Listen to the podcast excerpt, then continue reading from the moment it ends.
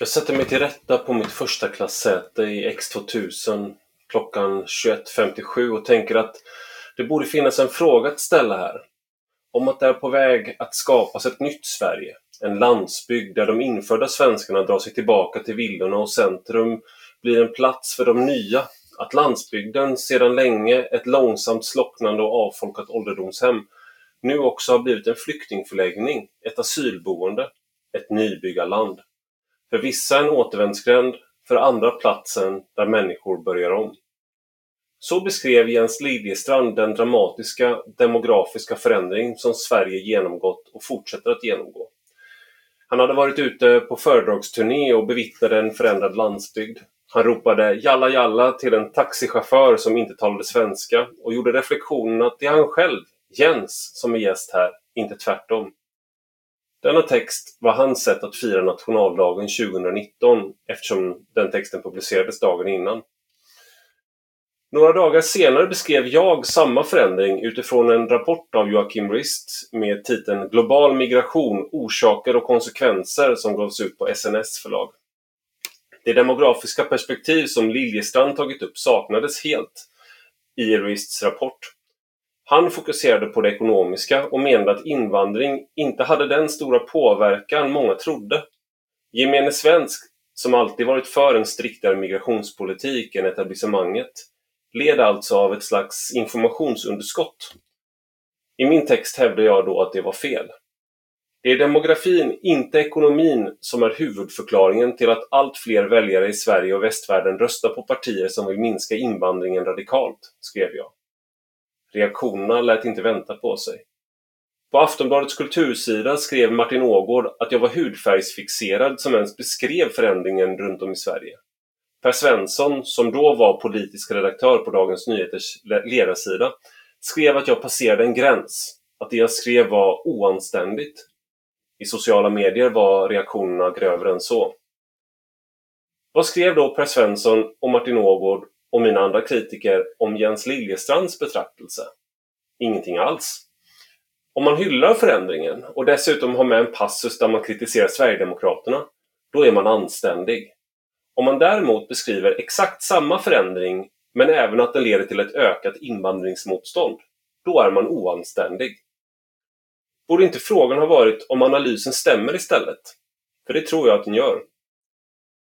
Tror verkligen vänsterliberaler att majoritetsbefolkningar runt om i västvärlden och i Sverige inte reagerar på det faktum att de inom en överskådlig framtid kanske blir minoriteter i sitt eget land? I boken Exodus beskriver Paul Collier vad som anses vara en anständig reaktion hos Europas majoritetsbefolkningar på migrationen. 1. Var inte rasist. 2. Ge plats. 3. Lär dig att lovprisa andra kulturer. Detta är vänsterns och många liberalers attityd. Minoriteters identiteter är skyddsvärda, medan majoriteten ska trycka ned sin egen. I dagens podd diskuterar jag med en av dem som analyserat detta på djupet och som menar att även majoritetsbefolkningar måste få ge utlopp för sina nationalkänslor och även att skydda sin särart. Eric Kaufman är professor i statsvetenskap vid Birkbeck College vid London University och han har skrivit flera böcker varav den senaste, White Shift, Populism, Immigration and the Future of White Majorities kom 2018 och är en av de mest intressanta böckerna som kommit på senare år. Du lyssnar på Rak Höger med mig, Ivar Arpi.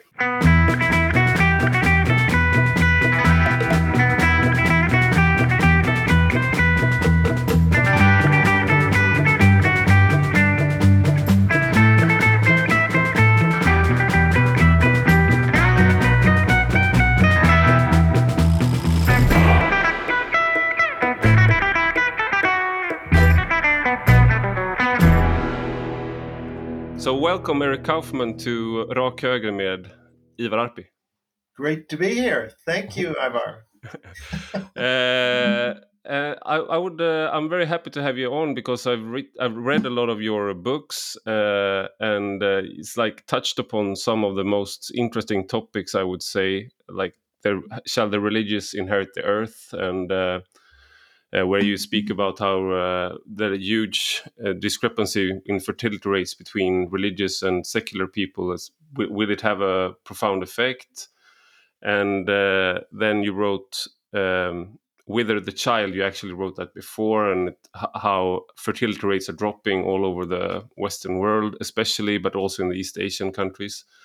Uh, and then you wrote White Shift, and I, I wrote um, in 2018, and it made a huge impact. And it was uh, a very distinctive book because it touched upon subjects in a way that I, I, don't think that any other book in the mainstream, so to speak, has done for a while.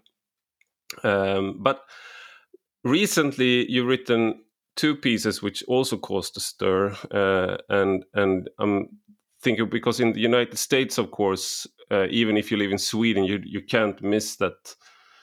Uh, basically, all of the uh, public debate right now is about critical race theory, racism, how racist is the United States really, uh, and uh, you published a study uh, which where you investigated how perceptions of racism is increasing while the actual racism is not.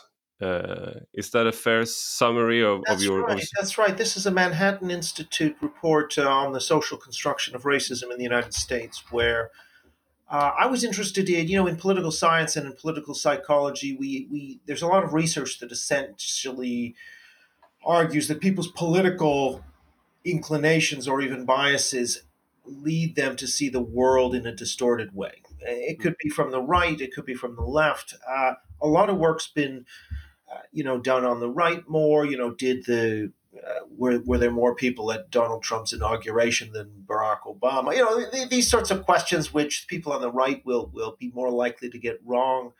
Uh, but but there've been less. There's been less research on on left wing biases, and so this is something that uh, I wanted to do. And part of the reason is because a lot of academics, for example, because they're on the left, will mainly be interested in the right wing biases, but there'll be very little attention paid to the other side's biases. So, uh, one of the yeah, typically these biases are, are worst around the sacred values of, of a group, which is race and then gender and sexuality to, to, to some degree as well. But particularly on race, you see in, in America, for example, that um, you know, if you ask a question, is a young black man more likely to be killed, uh, shot by the police, or die in a in a car accident? Uh, mm. The actual the actual statistic is about ten to one more likely to die in a car accident.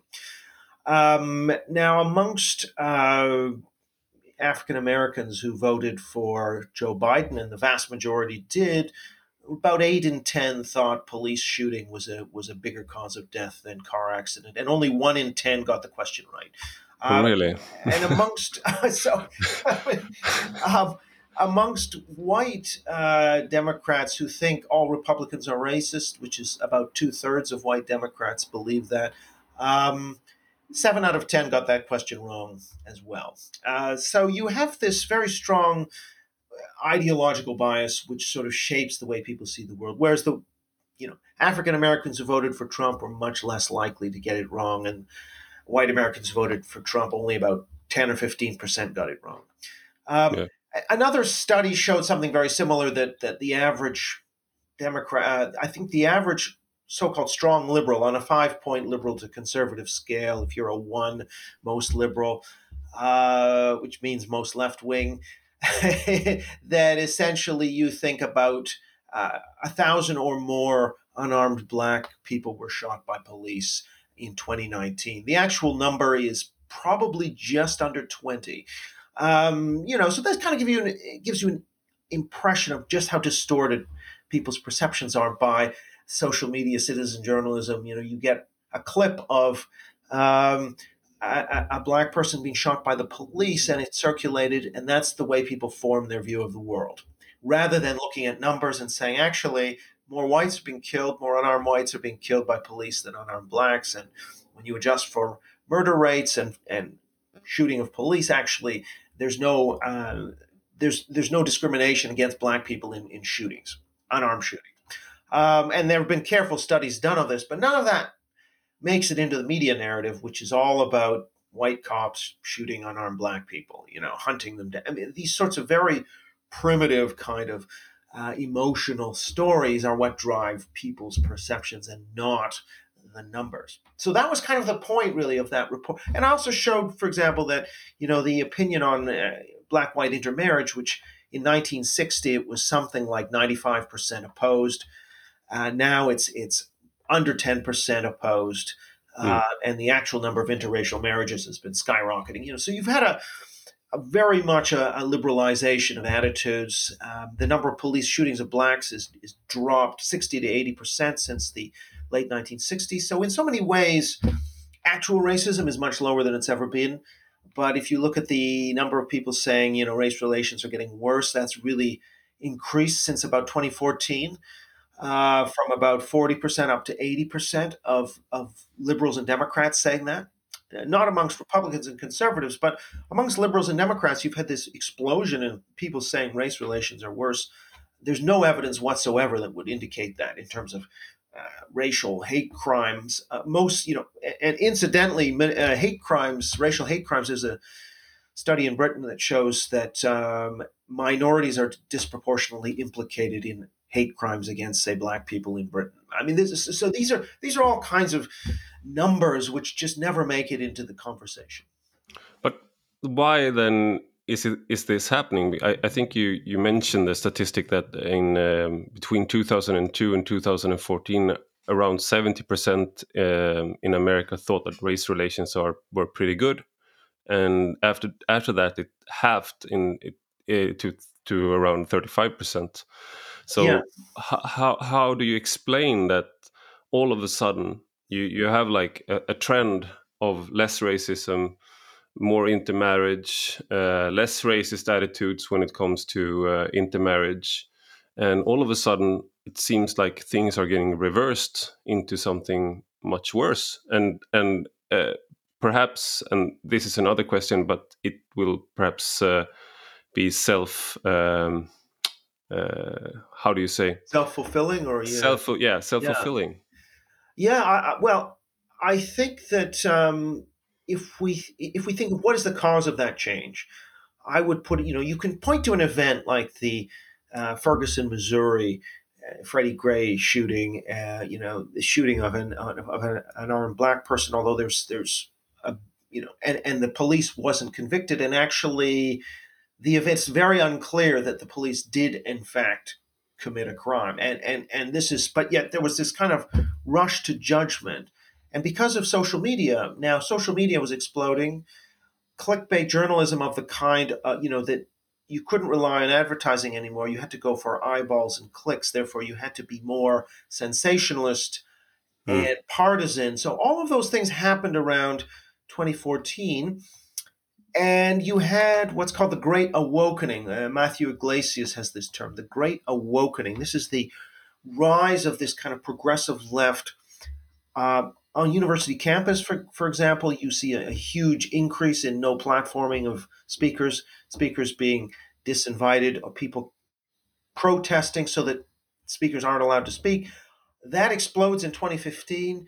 Um, if you look at the content of papers like the New York Times and the Washington Post, not to mention BuzzFeed and Vox and these other newer outlets, mm. mention of terms like uh, white supremacy and racism explodes. Um, and so you have just this massive spike in the use of uh, these terms, uh, racism, white supremacy, and so on.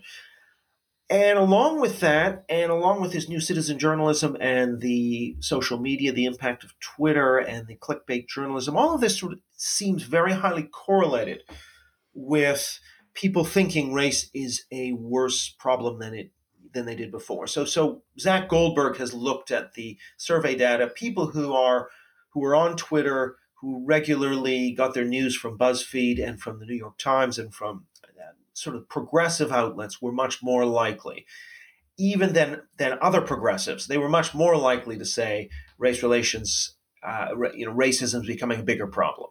Mm. So I think this is a media event, and it is a social media event that is really driving uh, people's perceptions. So perceptions are being skewed not by anything real that's happening on the ground, but simply by cherry picking and viral uh, circulation of sensationalistic events. Yeah. And then you have the skewing having real effects, perhaps also with the rise of critical race theory in workplaces. And uh, I mean, I read about an event where they had separated the workplace in whites and non-whites, and they had different curriculum and different questions. So the white had like a struggle session with their whiteness, right? Uh, and the non-whites had a different session, yeah. and you could see how how that would not uh, lessen uh, racial tensions, but that will actually increase the perception of that we are diff- that we different races are, are are different and they have different interests. So yes. so it it will have real effects, perhaps. That, that's speculating on my part, but uh, you could see tendencies that it will have it will heighten awareness of one's race and it, the importance of one's race, and that will have effects in on the race relations. Sure, I mean, I mean, it's interesting though. It's important to stress that it is the um, liberals and Democrats who are reporting worse race relations that racism is a bigger problem. So it isn't conservatives and Republicans. It's very mm. much concentrated amongst the most liberal, particularly white liberal uh, section of society uh, that that are very receptive to this because of the media they consume.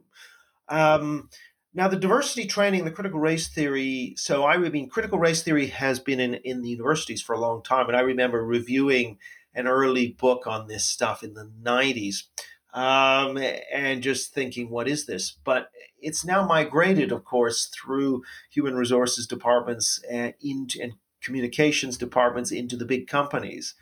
Uh, I'm just doing a study now. It's, you know, I'm trying to get a, a handle on how pervasive these kinds of trainings are. It's it's very much in the big organizations, yeah, uh, large organizations. Now, I think that's there's always been a certain pipeline, but I think it's gotten worse with these events like the Ferguson and, and, and George Floyd and, and George Floyd really gave it an, uh, gave all of this stuff a huge amount of oxygen, um, and it's just led to the to to a surge of activity. So I mean, I see it even in in Britain in the university sector. The number of people saying we must decolonize the curriculum and we have to have, uh, you know, microaggressions reporting and all these sorts of things are just there's given an energy by these events. Kind kind of hard to decolonize, decolonize the curriculum in Britain because of the length of the empire i would say uh, just just just yeah, kidding yeah.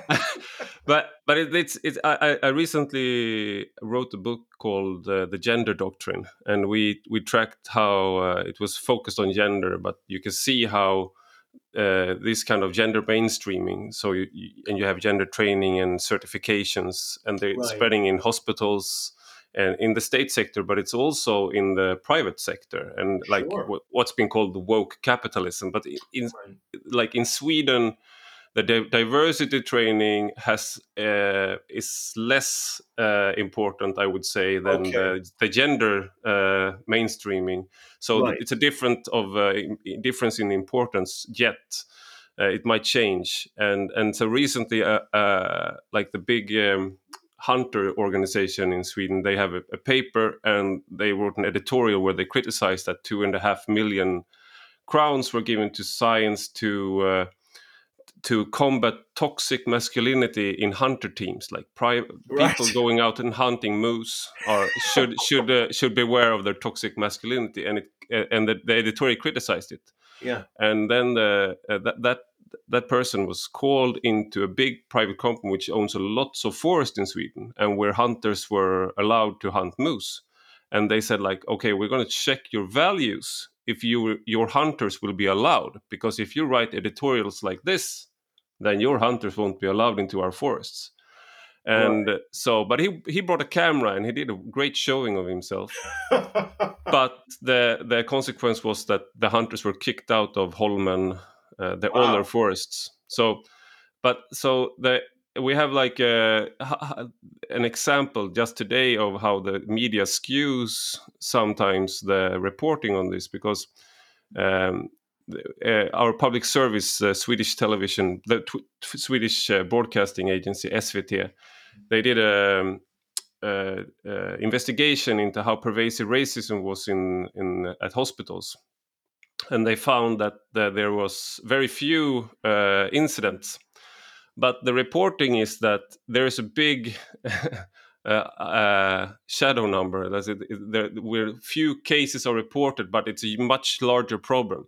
So they weren't deterred, but by their own investigation that they didn't find any racism because they they sort of know that there's a lot of racism because so perhaps people are afraid then to speak about race. Uh, I mean, you can't den deny that there's a possibility, but well, it's yeah, a typical media narrative that even if you don't find the cases then then it's because people are afraid to report the cases. Well, this is sort of the the whole philosophy of these critical social justice theories that you know normally in science we have what we call the null hypothesis which means you your starting assumption is that your theory is false that there so the starting assumption would be racism isn't there i have to prove that that hypothesis that there is no racism i have to prove it wrong so the default assumption is that there's nothing there. That's the way science operates. Now, what they've done is they've flipped it around and they've said the default assumption is racism is there. And unless we find overwhelming evidence that it's not, but of course, you can never prove anything 100%, right? So mm. they've inverted the whole scientific pyramid. And, and so it's completely shoddy. Uh, and that's what critical race theory does as well is they they, they, the question is how did racism manifest in this situation? That's the question you should ask. Right. i think i think that's a quote from uh, I, I don't remember the author but that's like how you begin yeah. the the questioning. Yeah so you're starting you start with the dogma and then it's all about proving right? So it's like where are the signs of the devil and of god? You know that is essentially the way they reason uh, and if you t- if you sp- and, and if you speak against it, of course you are a racist or a sexist or whatever. And so in the sense they've got you. Uh, so it's not a free conversation. It's it's essentially a moral game, a dance. Um, but yeah, I think this is a very similar kind of problem that you have this ideology, which I call left modernism, which is a sort of blend of identity categories, which was always a traditional concern of liberalism, rights for Catholics in a Protestant country, and then it became you know rights for for women and, and minorities and gays and everything which was all about equal opportunity and equal treatment. So that that was from liberalism but then it was grafted onto the uh, victim oppressor worldview of socialism uh, radical revolutionary transformation. And suddenly it's not about class anymore but it's about identity based revolution uh, mm. identity based redistribution. And so, and it's maybe not even economic redistribution between identity groups, but it's psychological, emotional, self esteem redistribution. Uh, and so, this is sort of the new ideology that we're we're living through, and it's conquering uh, all the large organizations increasingly.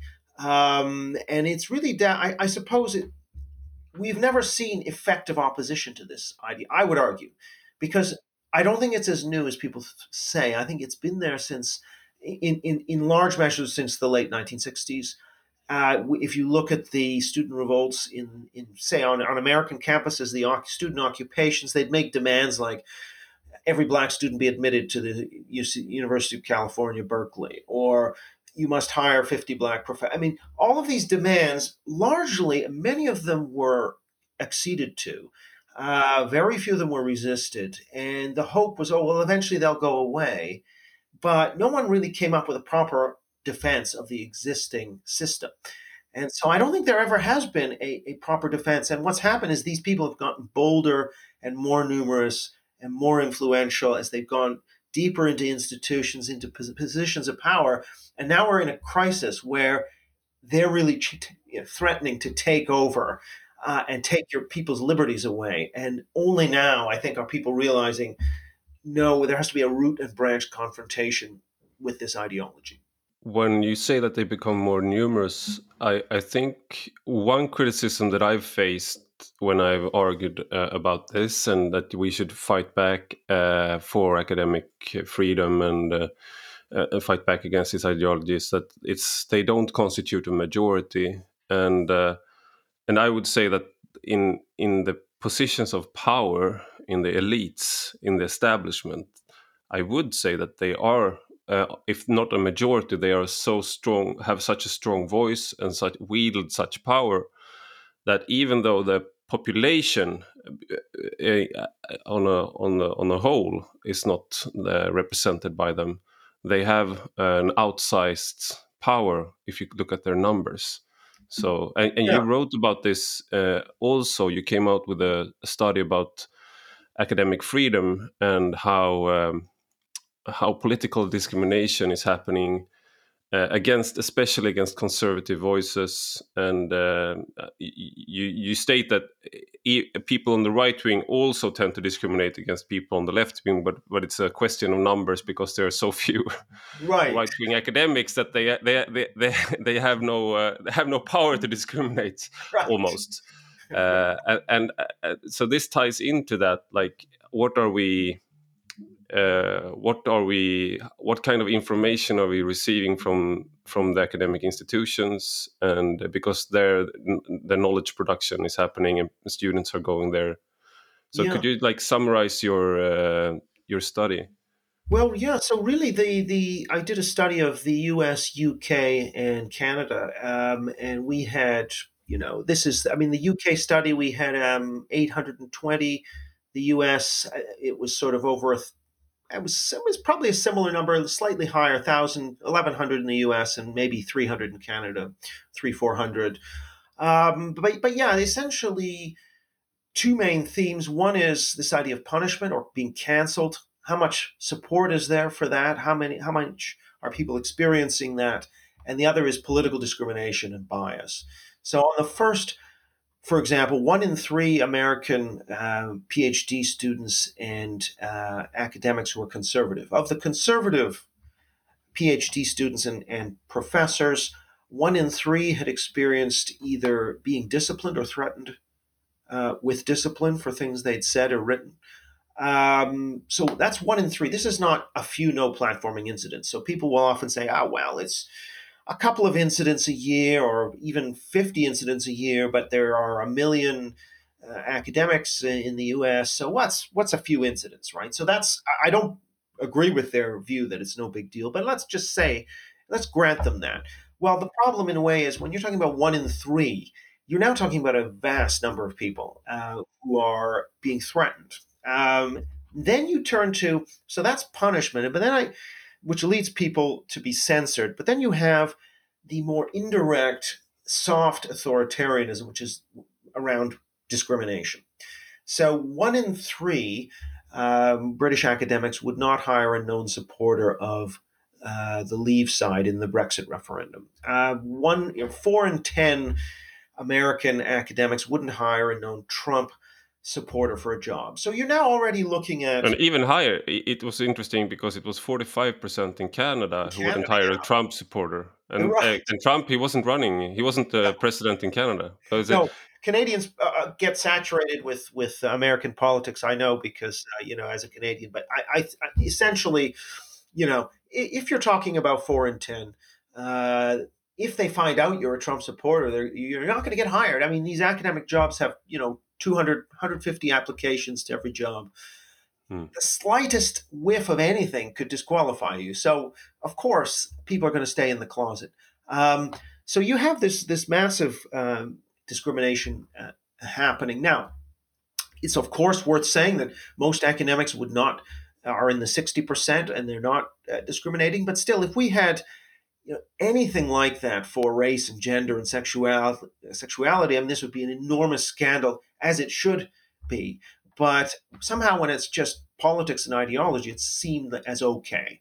Eh, you know, no problem. We're, we're, we're allowed to discriminate. Similar, by the way, this is not the only study. There have been about three or four of them that have looked also at uh, would you discriminate in, in um, accepting a paper for a journal, for, uh, for a grant application, for a promotion application, and they're all finding something between 15 and 50% discrimination against conservatives. Uh, could be conservative, could be right leaning, could be Trump voter, whatever it is. Um, so you've got this very high level of discrimination. And not only that, the uh, even as early as the master's degree level, students are aware that um, academia, if they're conservative, they're aware it's a kind of hostile environment for their beliefs. And so that leads them not to, to select to become an academic. Uh, so I've showed that as well in, in one of the studies. I mean, because if you ask conservative academics uh, in, in the US, you know, is, is your department a hostile environment for your beliefs? Seven out of 10 say it, it is, not as opposed to a supportive environment. If you're if they're asked, uh, do you self-censor in your research, teaching, and discussions? You know, in the social sciences and humanities, 75% of British and American conservative academics are self censoring. So, this is a, and there have been other studies that show the same thing. So, you've got this monoculture that's becoming, that's reproducing itself as essentially a closed system, closed to anyone who is outside the orthodoxy.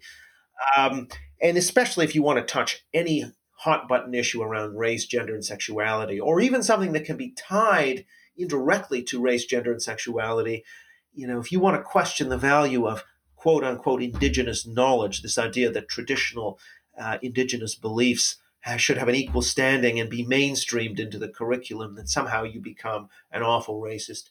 Uh, yeah, so this is the, the, level of yeah. You should decolonize your your uh, your sense of uh, yeah. rationality.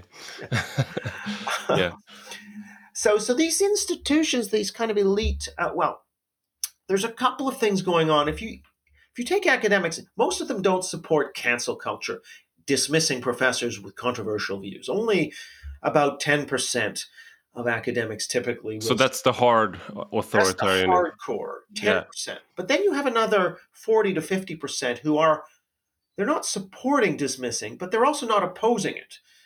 So they're sort of like, well, I'm unsure, I don't know. You know, so you have this group of 50%, 40%. So now you've got the 10% of nutcases, and then you've got 40 to 50% of people who are not standing up against it. Now, if you even take the, the remaining 40 to 50%, a certain percentage of them will be scared to speak up because they may think that they're going to be pigeonholed as a racist. And I've got numbers on this too. So if you put those three together, the hardcore 10%, the people who are pulled both ways by their values, progressive values, but they like free speech, but so they're not going to stand up to them. That's another 40%, let's say.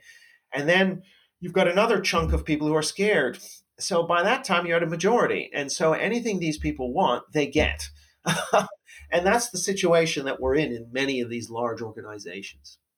So when when when you speak about this and you say that they, they are getting like they get a stronger voice over time and now we're approaching a, a point where they are taking over uh, the the critics of that that uh, hypothesis so to speak uh, yeah. will say will point to it's only 10% right but right. so they will exclude all the social dynamics of the people not speaking up and and one one of the things that when we wrote Genusdoktrinen me and my co-author Anna-Karin Wyndhamn we tried to we did uh, over a hundred interviews with academics uh, in Sweden uh, about this. Are they afraid to talk about these issues, and how are their critic criticisms being? Uh, how are other how are the institutions responding to them?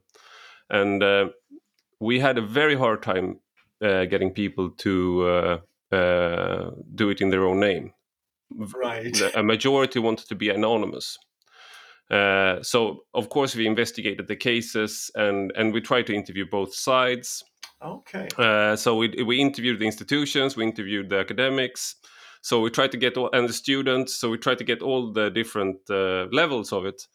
Uh, but we weren't believed because they are we, we were accused of anecdotal um, uh, how do you say anecdotal? Yeah, yeah, uh, just cherry picking uh, anecdotes. That's the yes, yes. anecdotes. That's the. Uh, yeah, and uh, so and and there there is some some ground perhaps for that criticism, but then one of the papers, university papers from Gothenburg University, they didn't believe it, so they wanted to do a like a questionnaire to their academics, like, is there a culture of silence around these issues? Right but then they had to like uh, write that most of the people who we asked to participate in this questionnaire didn't want to do it because they were afraid of reprisals.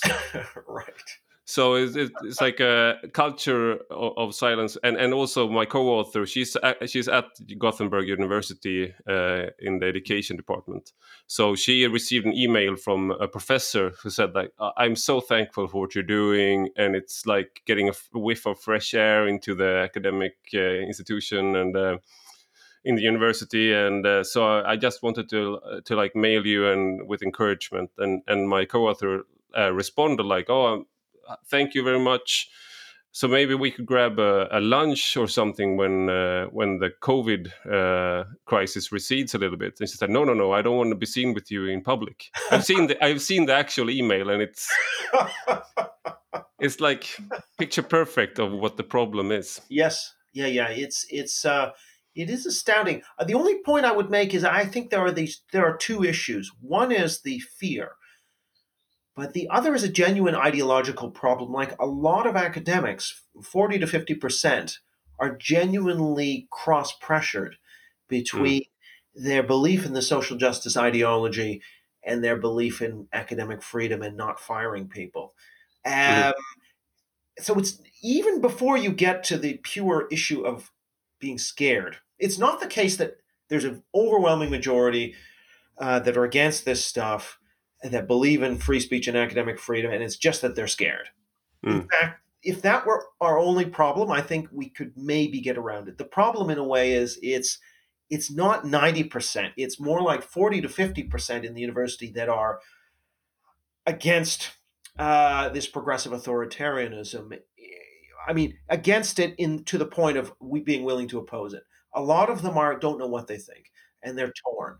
Um, and that's a big problem. So it's also, I, I think, the ideological battle of ideas is is somewhat more important than simply people being scared. But of course, the fact people are scared tells you something about the power of these uh, of this ideology uh, and the way it's been able to stretch the definition and meaning of terms like racism and sexism grotesquely out of all proportion to what they actually mean. So that yeah. you know, saying master bedroom or or you're so articulate to a minority person becomes racist. You know, so so essentially they are able to innovate in whatever they want to call racism is racism, more or less. Yeah. They have to just jump around, hopping around and abiding by the the hoops that they're they're setting in front of you. Yeah, I think Jonathan um, uh, Haslam has uh, a term for it, like con- concept creep. It's yes, concept creep. Yeah, like mission creep is that you oh, we just want to uh, topple Saddam Hussein, but then you stay for ten years and you and you try to instill democracy and and freedom and, and Afghanistan. We just want to get rid of the Taliban, but you stay for like twenty years. Yeah, uh, yeah. But and, and then like concept creep is like okay, racism is that you you, you have it used to mean that you, you think that people of a different color, different race, ethnicity were inferior. But now it's the things you bring up. It's like you correct language. And it's the same in Sweden. If you, uh, for example, what's proper Swedish?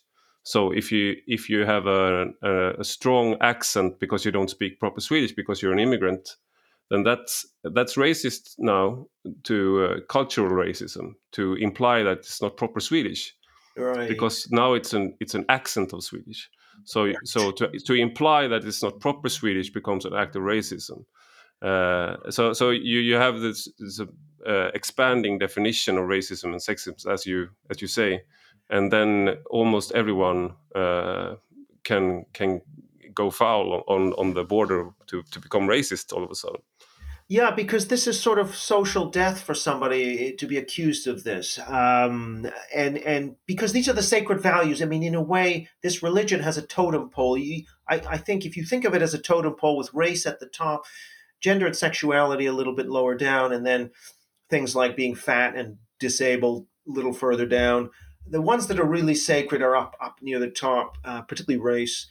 And so you want to, if you're an a, a preacher innovator in this religion, you want to try and attach as much as you can to race because that has the highest symbolic uh, sacredness, right? So anything you can airbrush with that racist term, you can knock somebody down by using that and push yourself up. Um, yeah.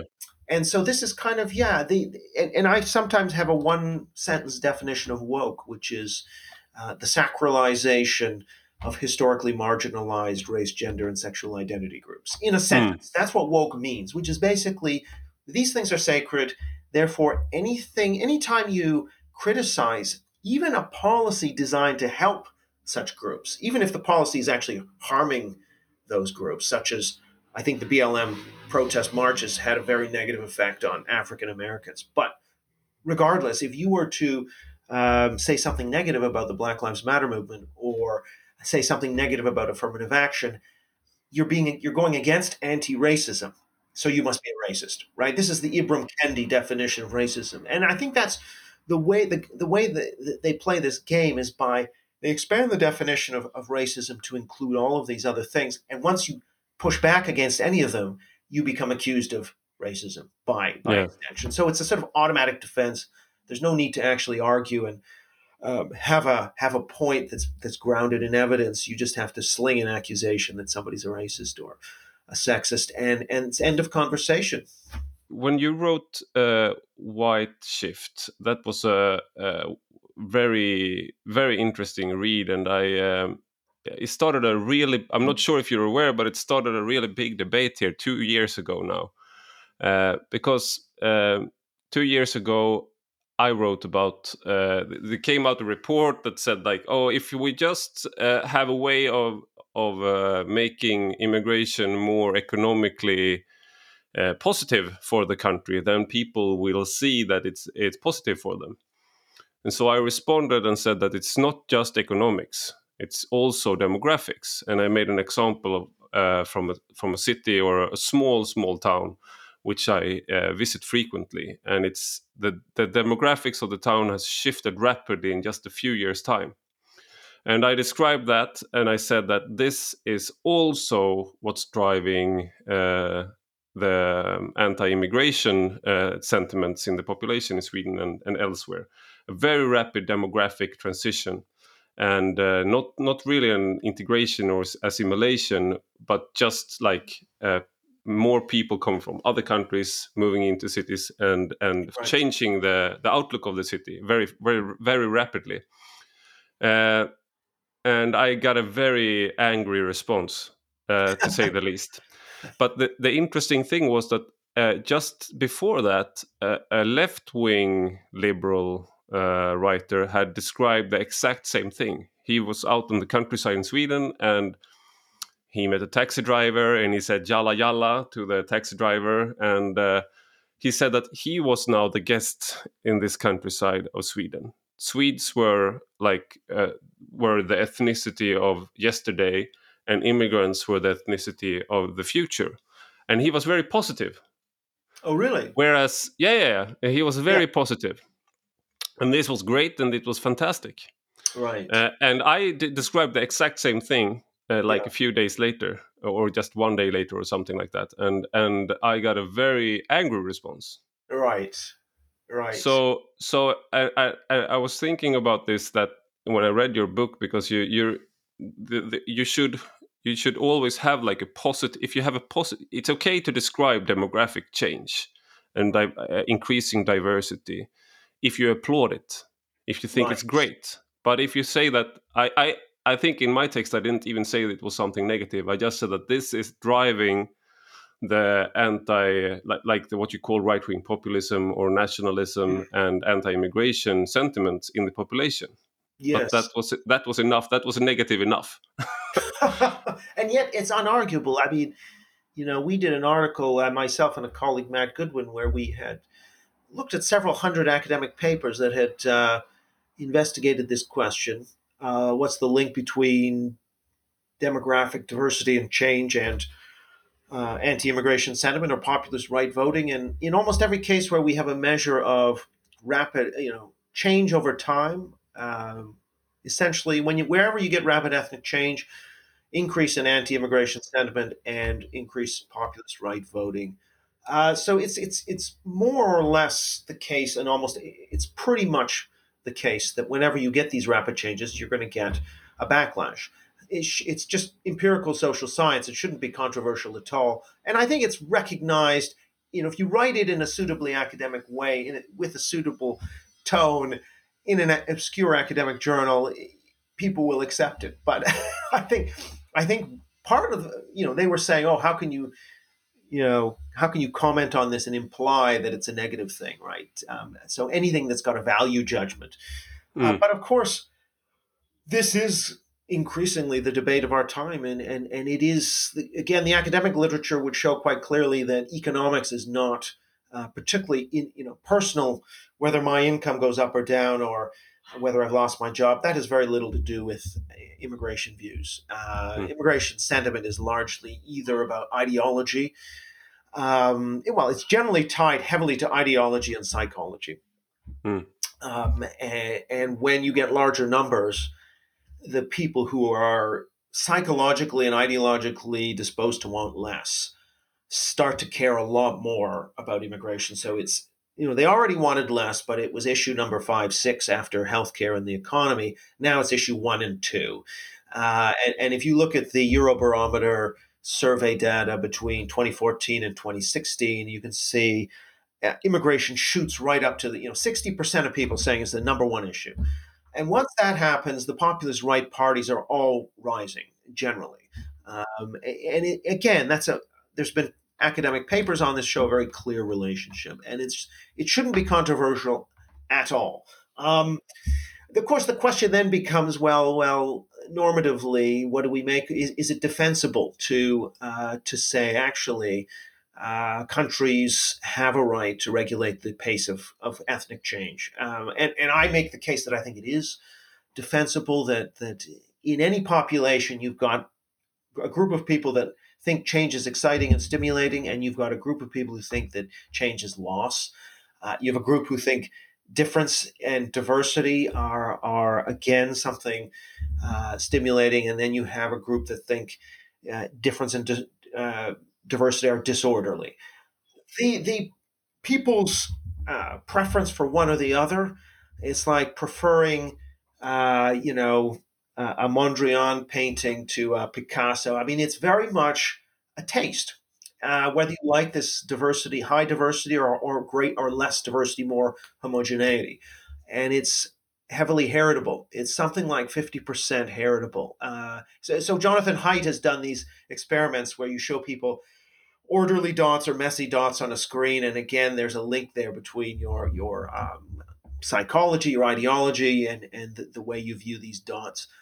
Yes, something very basic. So what you're getting then is is the the part of the population that wants things slower, that wants things more orderly, is rebelling against the fast change, um, high diversity, and uh, what, you know I think people on the progressive left think it's just a matter of teaching them and it's just a matter of, of you know they're blank slates and, and whatever you you inscribe on that blank slate will be what they believe. And, and it's just not the case. Um, and and that unwillingness to sort of face up to the fact that in fact there are there is deep rooted opposition uh, amongst not everybody but amongst a significant share of the population and in a democracy the whole point is you try and find an accommodation between these groups, but their insistence on seeing this as a black and white issue. You're either an open person or you're a narrow minded bigot, uh, instead of faster, slower, which is shades of gray. It's not a black white situation, it's shades of gray. We have to find, we have to meet in the middle.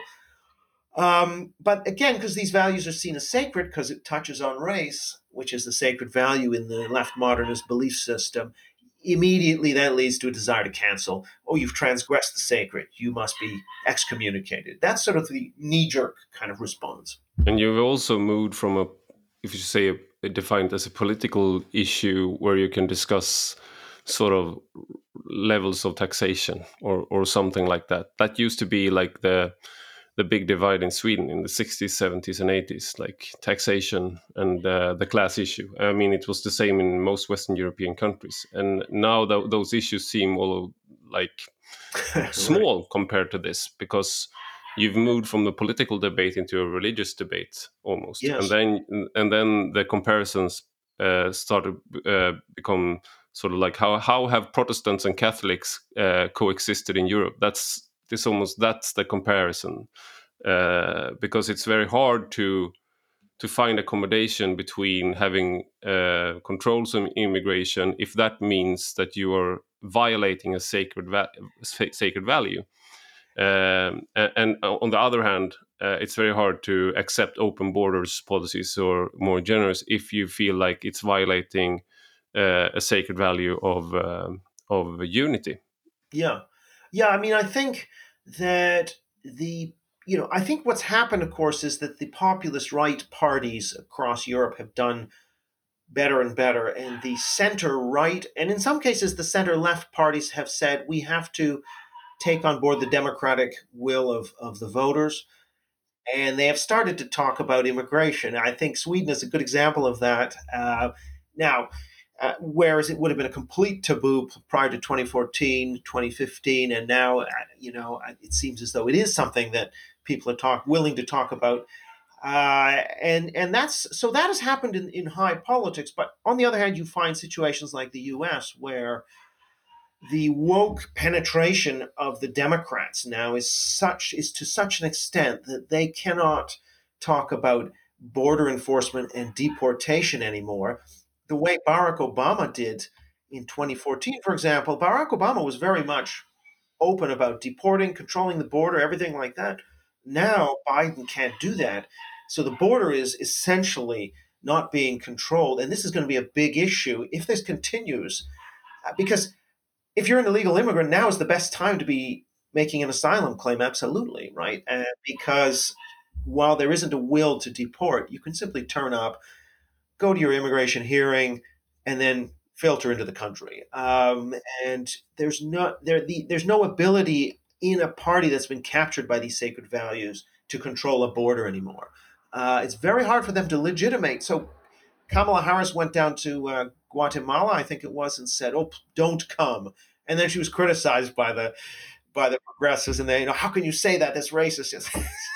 yeah, and it, it's it, in Sweden we have a, sort of a. It's strange because recently there was a report from a state committee called DELMI, the Delegation for Migration Studies, and they did a discourse, critical discourse analysis of the editorial page where I worked at Swedish uh, Svenska Dagbladet, which is the second largest daily newspaper in Sweden, and uh, and Gotham, Göteborgs-Posten, the the big paper in Gothenburg. Uh, and they basically found out that we were normalizers of uh, racism and xenophobia, and uh, also borrowed or wholly uh, took partly or wholly borrowed from far right extremists. But at the same, they only studied like forty three editorials and ignored what happened from 2015. They studied us from 2015 to 2020 and ignored everything that happened. Uh, but on in, in, the same time period, uh, you have like the government saying we have a system collapse uh, in 2015. Like we had the finance minister of finance saying that, and uh, we cannot don't come here. She told people. Right. Uh, but it's sort of strange because at the same time people don't really because social democrats and the left wing they are the good ones so they don't really want to take in that it's actually uh, the government the left wing government are saying stuff that we think ra- are racist right. so they attack the proxies uh, so that the, the, they hope the left wing uh, government and left wing politicians will get the memo like if you keep on this we will attack you like we're right now attacking right wing people right. uh, with the exact who are using the exact same rhetoric as you are. So it's sort of strange uh, because it's, it's, like the left wing modernists in your vocabulary are not acknowledging what the shift in the in the government rhetoric and the government policies. That's interesting because, like in, in in other places, you will tend to get the progressive wing attacking often their own party on Twitter. Um, and so, I mean, the progressive wing and the Democrats, for example, are very vocal whenever they feel that the sacred is being violated, like with this Kamala Harris. Or, or, or sometimes they might they might stay silent sometimes, but generally they will make their views very strongly known uh, these circles. And and so I have a kind of theory that this is making left wing, you know, the left wing parties that succumb to this are becoming unelectable and, mm. and hmm. if you look at the the way the left has collapsed in across Europe, um, you know, election, some of the worst election results since the war, in country after country after country, And I think part of this is they're simply unable to stand up to their own woke warriors who are pushing them in these very unpopular directions that people don't want. Uh, instead of talking about the working class and the poor, they're talking about these these woke issues um, and following these trendy fads. So ultimately, it's going to bite them more. Now, in the U.S., because there's a large, you know, you've, you've got significant voting blocks of African Americans, lesser degree Hispanics and Asians who are kind of shifting now, but uh,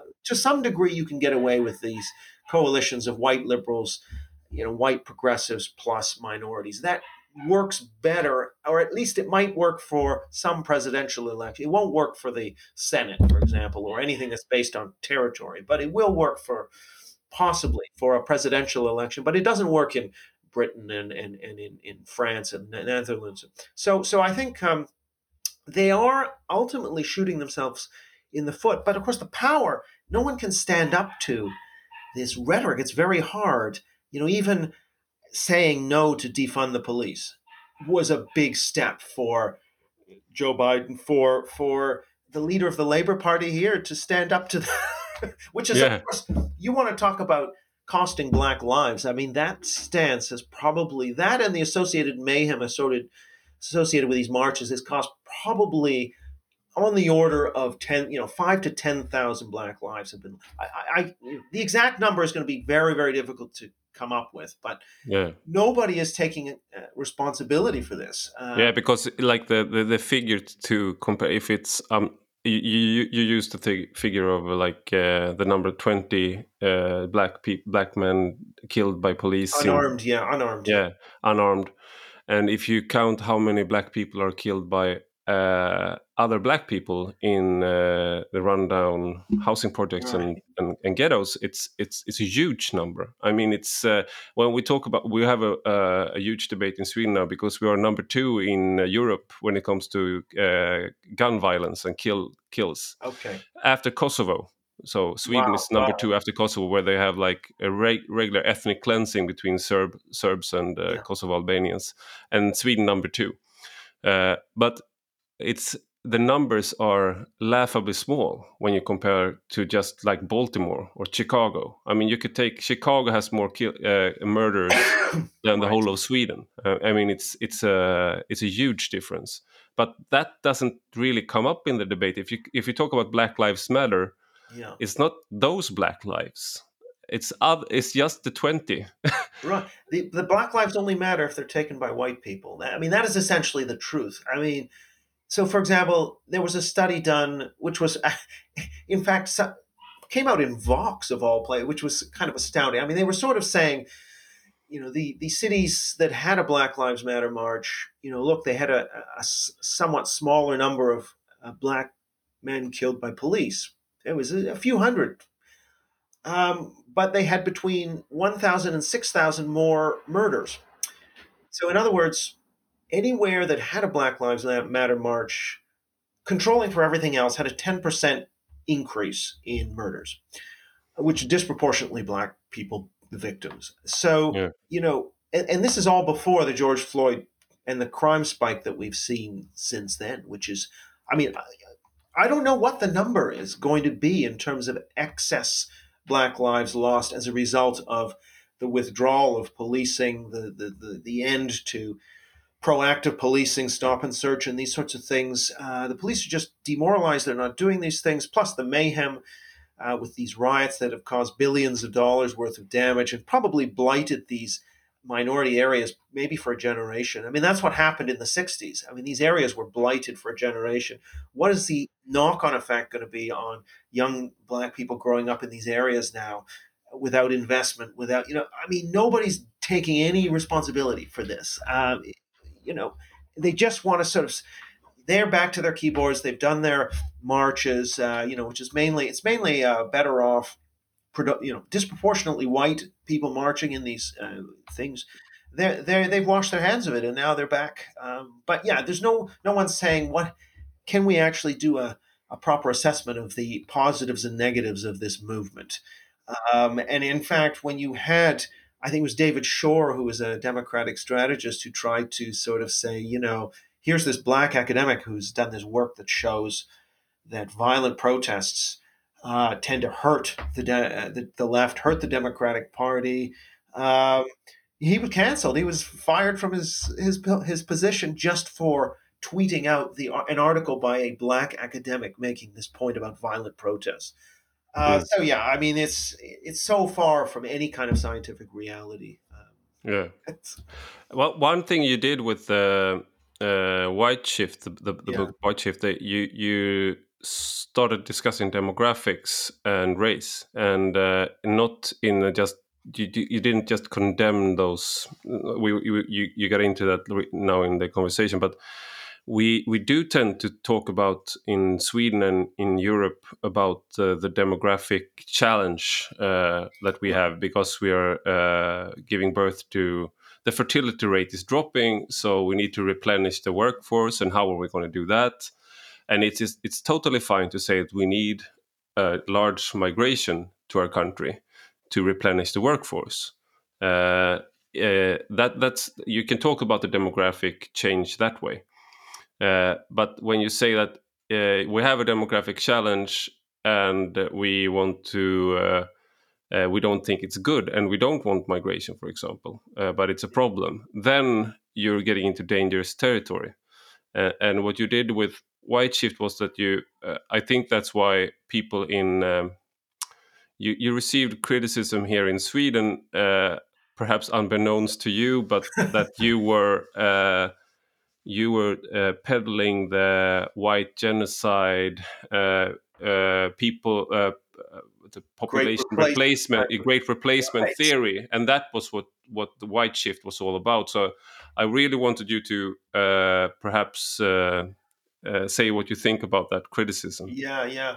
Well, I think that's a good example of, of concept creep, where people will misrepresent and stretch the meaning of you know what you're saying to to mean something else entirely. I mean, I actually talk about the Great Replacement theory, white genocide theory in the book, uh, quite a bit of detail. Um, and um, so you know, it's it's interesting that demographic change, the, the idea that uh, say uh, the U.S. is becoming a majority non-white society, um, if that's if that's written about by a progressive and they say, uh, look, it's becoming majority non-white, I mean, uh, the browning of America, then that's seen as, you know, that is a kind of, you could argue that that is sort of great replacement thinking. I mean, if you wanted to, mm. they're drawing attention to these ethnic shifts. Uh, however, if it's done, say, on the conservative side, to, and people say, look, the U.S. is going to become majority non-white, that's then seen as alarmist, right? So, so it's the same facts white supremacists. yeah, one side is now interpreted. People sort of interpret it through this lens of alarmism and great replacement, and the other and, and white genocide, and the other side is sort of oh, that's just uh, being positive. So yeah, I agree with you that it's very disingenuous. I mean, there is something. I mean, the great replacement argument has a number of layers. You know, one of them is that there's some kind of plot. Usually, Jews or George Soros or some kind of globalist actor is is orchestrating this uh, in order to wipe out the white race. I mean, that is sort of essentially the argument. It has an anti-Semitic a- angle to it. Uh, so there's a whole bunch of different layers to that proper, full-throated far-right conspiracy theory, which is real. That does exist. Um, yeah.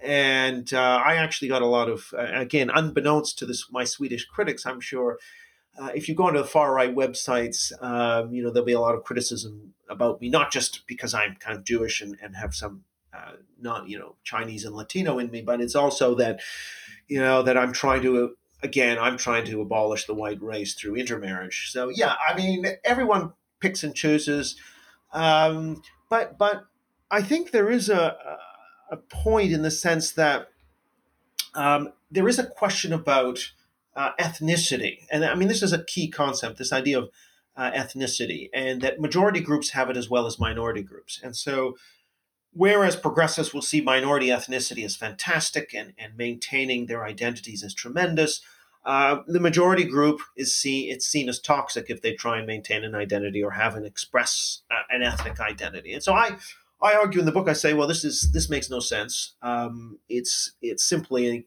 unequal treatment. So this is one of the reasons why the great replacement uh, the conspiracy theory works is because they will take something that is true, which is that um, majority and minority groups are not treated equally in terms of how whether they can express an identity. It, it's very clear that these are not treated the same way.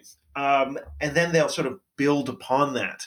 So once people see that claim, they'll say, "Yeah, that actually is true." And then based on that, they lead them down the path towards, you know, well, it's George Soros and and, and yeah. whatever. Globalists. Um, yeah. So Yeah. so um it is important, I think, to take that on, and I think there's no no actual proper reason why uh, members of majority ethnic groups shouldn't express an identity. Now, what I say is, however, um, there, there's there are two different types of identity that Jonathan Haidt talks about. One is you have an identity; you're just proud of your traditions and of who you are, your history, whatever. Uh, what he would call common humanity form of identity. It's not about hating anyone else. The other form is uh, oh no, I am I am Irish, and I, I define being Irish as hating the English, or or I define being uh, Hutu hating the Tutsi, or whatever it is. That is a common enemy form of identity. Now, I think what's happening in in the West is we have the left modernists who are trying to encourage uh, minority groups to have a common enemy form of of identity based on being a person of color and against white oppression, white supremacists, anti-white in fact, most minorities don't have that idea. They're just proud of their own group and traditions and whatever. Uh, and, and actually, the progressive left wants them to be more angry and oppositional. The the whites, on the other hand, their attitude is even a common humanity form of, of identity should be suppressed, should be seen as toxic and taboo, and you should seek to uh, outgrow that and be a cosmopolitan that that view, which I call asymmetrical multiculturalism, so ethnicity great for minorities, terrible for majorities, actually can be traced back to the 1910s in in the U.S. So it goes a long way back. Uh, this idea of being against your own culture but loving the exotic minority culture and wanting them to preserve themselves and not to assimilate. Um, that's a very old reflex, uh, but it's become more intense recently and it's completely hypocritical and has no sort of basis in in consistent logic and theory. Um, but it's what we're living through, and and and so I guess. But now, of course, I think that when it comes to you don't want to have race essentialism, believing that you're a pure race, and I. What's important with ethnicity is it's actually a subjective belief in common ancestry, collective memories, and traditions. And so, in theory, that's open to, and I think it is open to blurring of the boundaries through intermarriage and people assimilating into uh, these groups. So the subjective matters more than the objective uh, features, like like skin color or whatever. It's about a subjectivity. Um, And, And that, that, that you can see that in, uh, uh, I think they banned some forms of DNA tests in Turkey uh, because, like you know, uh, Family Finder and uh, Family Tree DNA, all these, when you can find out your ancestry, because the the, the test results came up uh, and show that they are Anatolians, but their myth, uh, national myth, is that they're Turks, but the DNA shows something else. Yes, Uh, so there's a very small admixture of, of Turkish immigrants, uh, but the, but their identity is that they are Turkish. I'm not. Uh, I- n- n- n- it's not that the one thing is true and the other is false. It's just it shows that uh, things happen and uh, and uh, you can uh, you can get an identity which is not based on what your uh, skin color is or I mean when when Swedes immigrated to to the United States uh, they were not always seen as as white in the beginning of the 1800s. I mean, and uh, you, you you can find sort of uh, quotes about Swedish people and Scandinavians, which seem uh, it seems very strange today because the white identity has expanded so much. And Right. and you- you bring this up in White Shift as as well, how the WASP identity of the United States expanded and became or it it was uh, abandoned almost and and it became white identity and integrated more more Europeans into that. yes, that's right. Yeah, I, I think it was Benjamin Franklin who had the quote about Swedes initially, but uh, yeah, I Yeah. think uh, um, that's right. Yeah, so you have sometimes you get the the boundaries being redefined like that from Protestant to include Catholics and Jews, uh, or at other times it's simply the case that say you may just get intermarriage into the group and someone who is part say ethnically swedish would but who identifies as a swede would be accepted as a swede yeah, I mean, there may be certain signs, like they may have a a Swedish first name, for example, or, or something that would indicate that, that. But but yeah, this is sort of what ethnicity is. So it's not I, coterminous with some sort of notion of a pure genetic stock. No. Even though, of course, there's a correlation since the people who have the identity are correlated with people who have the genetics. But over time, I think that will become a bit looser. But the, th- the point is, though, that the act of identifying with a group is very similar for minorities and majorities. Um, and so, in for example, if you look at uh, U.S., Canada, Britain, again, where I've looked at this, if you if you identify very strongly as Irish or Italian in America, then you are much more likely to identify as white. That that is going to be a more meaningful identity for you. It's a bit like saying I identify as Swedish and as European. Now, the European will be a lower, uh, less important identity than being Swedish, but still, it will, to the extent you tend to identify with ethnicity, then the pan ethnic, the kind of wider layer of the onion, which is white, will also be more important for you than for someone for whom being Irish or Italian doesn't matter at all. And it's, a, and it's the same relationship for a, a Hispanic or Asian person. If you're really into being Chinese, you're more likely to be into being Asian. Uh, it's like if I'm really into family, I'll be more into my extended family. So it's nothing sinister. It is simply a pattern. It's common to whites and non-whites alike, and yet built up into this horror, you know, this terrible, sinister thing that's going to lead to Nazism and, and Jim Crow and all this sort of stuff. So yeah, I think there's a whole lot of really a whole lot of mythology that isn't based on any kind of systematic social science uh, that goes into these uh, catastrophizing narratives. There are some benefits to having the statistics because you can then isolate exactly what is race from what is ethnicity in terms of, say, discrimination. You know, how much is race? How much is religion? Say, anti-Muslim? How much is anti? foreign born you know so, so these are mm. useful i think just to isolate how much is one or the other um, now i mean the use of the term white in, in the us sense i think is sociologically accurate simply because you know, very few Americans have, uh, you're, very few white Americans have just one ethnic background, like Irish or Italian or Swedish. They're mm. all a mishmash. There, there's a few who are, but um, the melting pot worked with the yes. with the white identity, right? And socially, yeah. socially, in terms of who people marry, the kinds of things they do, the places they live, um, these pan ethnic uh, categories do work quite well. In, in, other words, you know, the the ethnic neighborhoods of the Irish and the Italian that's largely broken up and gone. Mm. Uh, the more relevant um, categories are these larger categories. Now, of course, there's a lot of mixing, particularly Hispanic and Asian intermarriage to white is happening, and and so it's blurry around the edges, and maybe there will be this. I think there will be this kind of widening of of the. It's not as though being Hispanic will count as white, but but be certainly being part Hispanic and part white, you probably will be white, or part Asian and part white. You know, so so, uh, or even part black and part white. So I think that um, process is occurring, but I would say so. The way this would manifest itself, you, you occasionally see surveys that say, "Do you have to be have Swedish ancestry to be a true Swede, or a true mm. Russian, or a true British?" Uh, and, and there you will see a larger number of people answering. So I, I think something like 50% of, of people in England said, you know, you have to have some English ancestry to be English yeah. um, or to be truly English. Now, what does that mean when someone says truly? Does Are they simply pointing to the fact that they recognize there's something called an ethnic Swede, let's say, and mm. somebody who's a Swede by nationality and citizenship? Um, it could just be that factually they they draw a distinction between these.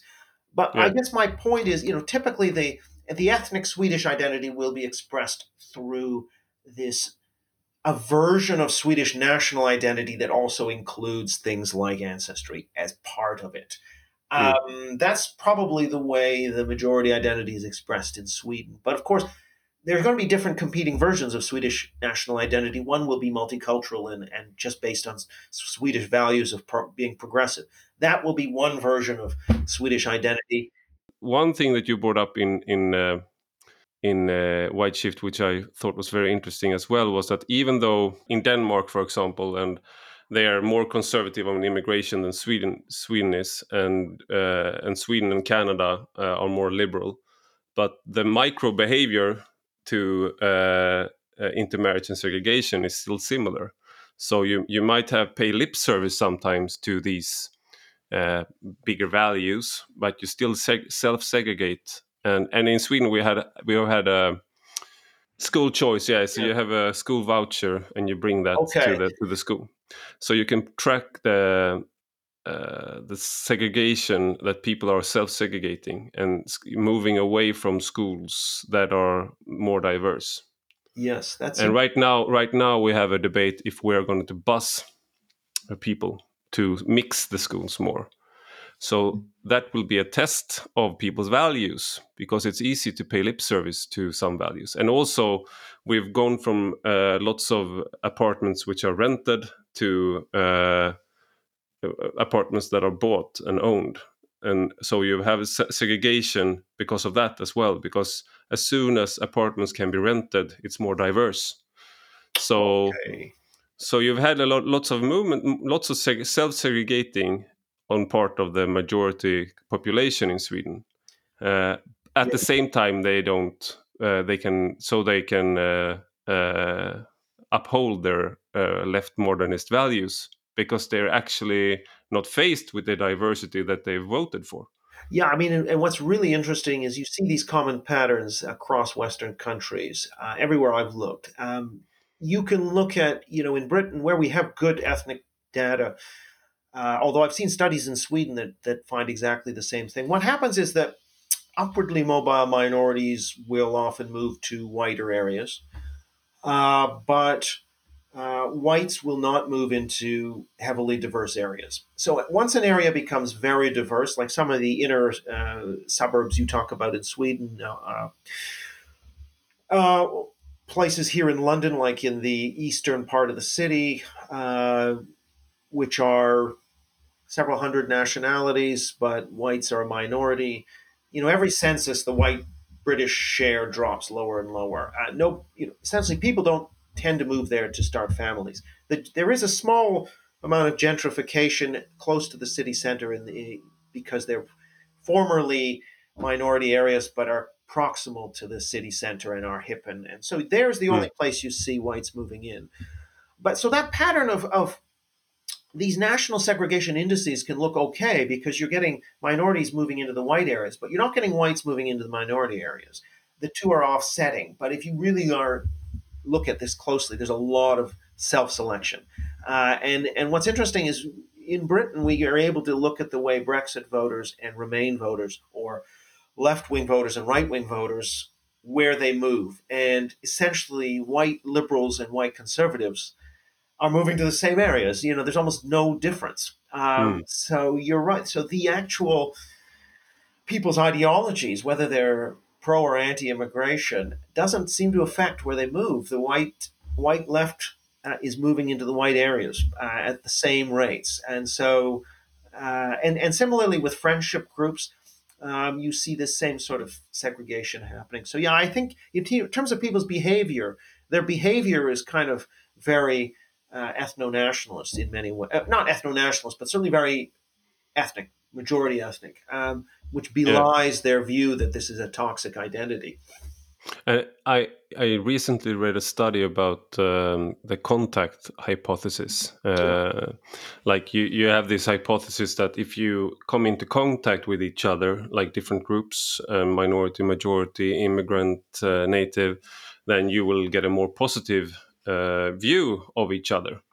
And this study was uh, conducted of by Bengt Magnus and uh, Bengt Magnus Amot Bentsen. I'm sorry, all the Norwegians, that I can't pronounce your your names.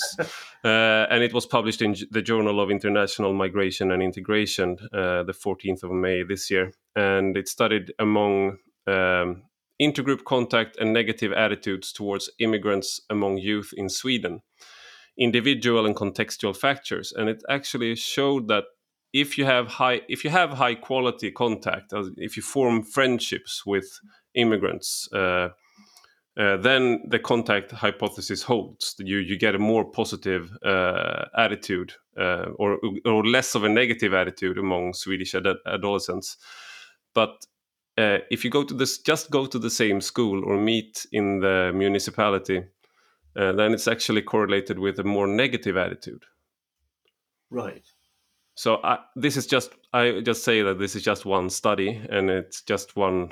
Uh, so, but it's uh, it's one of the main like uh, foundations of how this plays out is that if we get to know each other uh, and we move to the, live in the same areas, we go to the same schools, then we will have a more positive attitude towards other. It's almost automatic when you when you hear this. But this indicates that it, at, at, least it indicates that the, it might not be automatic.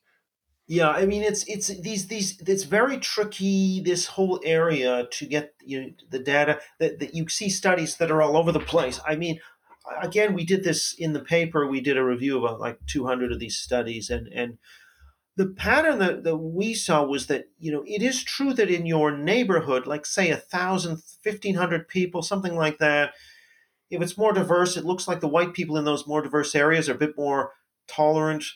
Uh, but if you have diversity in your housing block apartment block um, that's associated with lower toleration. And if they're particularly when you've got diversity in your city or county or province. Uh, if you, the more diverse your city, county, province is, generally the more anti-immigration you will be. Uh, so the typical configuration that would produce the most uh, anti-immigration or support for populism is living in a a relatively white neighborhood or a, a relatively less diverse neighborhood within a diverse city or mm. living on the outskirts of a diverse city in a relatively wide area. I mean, these are, so, so, the diversity actually leads to greater threat response. A bit like a, a, maybe the analogy of a nuclear power plant, where you know if you live right next to it, you kind of understand it. You're not so fearful. If you live very far away, you never think about it. But if you're mm. just close enough that that you could be affected, then you worry the most. Mm. Uh, hmm. so there is something to this contact uh, argument. It's it's not, I think, a large effect. It, it has effects mainly at the uh, neighborhood level, but certainly at the country, province, city level, county level, it, it's it cuts a different way. So I think um, I don't think that this is going to be something that leads to a great harmony. No, um, no. there's forces pushing in different directions. The, the, the, your uh, your description of it would describe how it's in the south of Sweden, around Malmö, the big city there, because it's. Uh, I think now it's a, ma a, minority majority city, and I think two thirds of the uh, of the youth there are uh, have foreign born parents or are themselves foreign born. Okay. Um, so, but if you look at the largest party in the south of Sweden, it's often Sweden Democrats right. in many parts of it. So people the the ethnic Swedes, many of them have moved from Malmö into the outer rim of Malmö. Maybe they work in Malmö because it's an economic hub, but they, they don't live there anymore. So right. it, it, would describe that effect. Uh, yeah, it's what they, it's what's called the halo effect in the in the literature, and that's been picked up in cities from you know all over the place. Um, I think it's Antwerp or, or was it Amsterdam, Montreal, if you look at the US election for Trump, these exurbs around the major cities swung to Trump in 2016. So yeah, I think that is a common in London here it's the sort of what's called you know Essex and the Thames Gateway, some of these areas just outside Greater London that had the uh, strongest support for UKIP and the BNP and all these sorts of things. So it's a pretty common pattern. Mm. Thank you so much, Eric Kaufman, for being a part of this podcast. Thanks, Ivar. It's been a great conversation and we covered a lot, so that's been fantastic. Yeah, really good. Uh, och tack till dig som har lyssnat. Uh, har du några frågor eller synpunkter får du gärna mejla mig på ivar.arpi Tack och hej!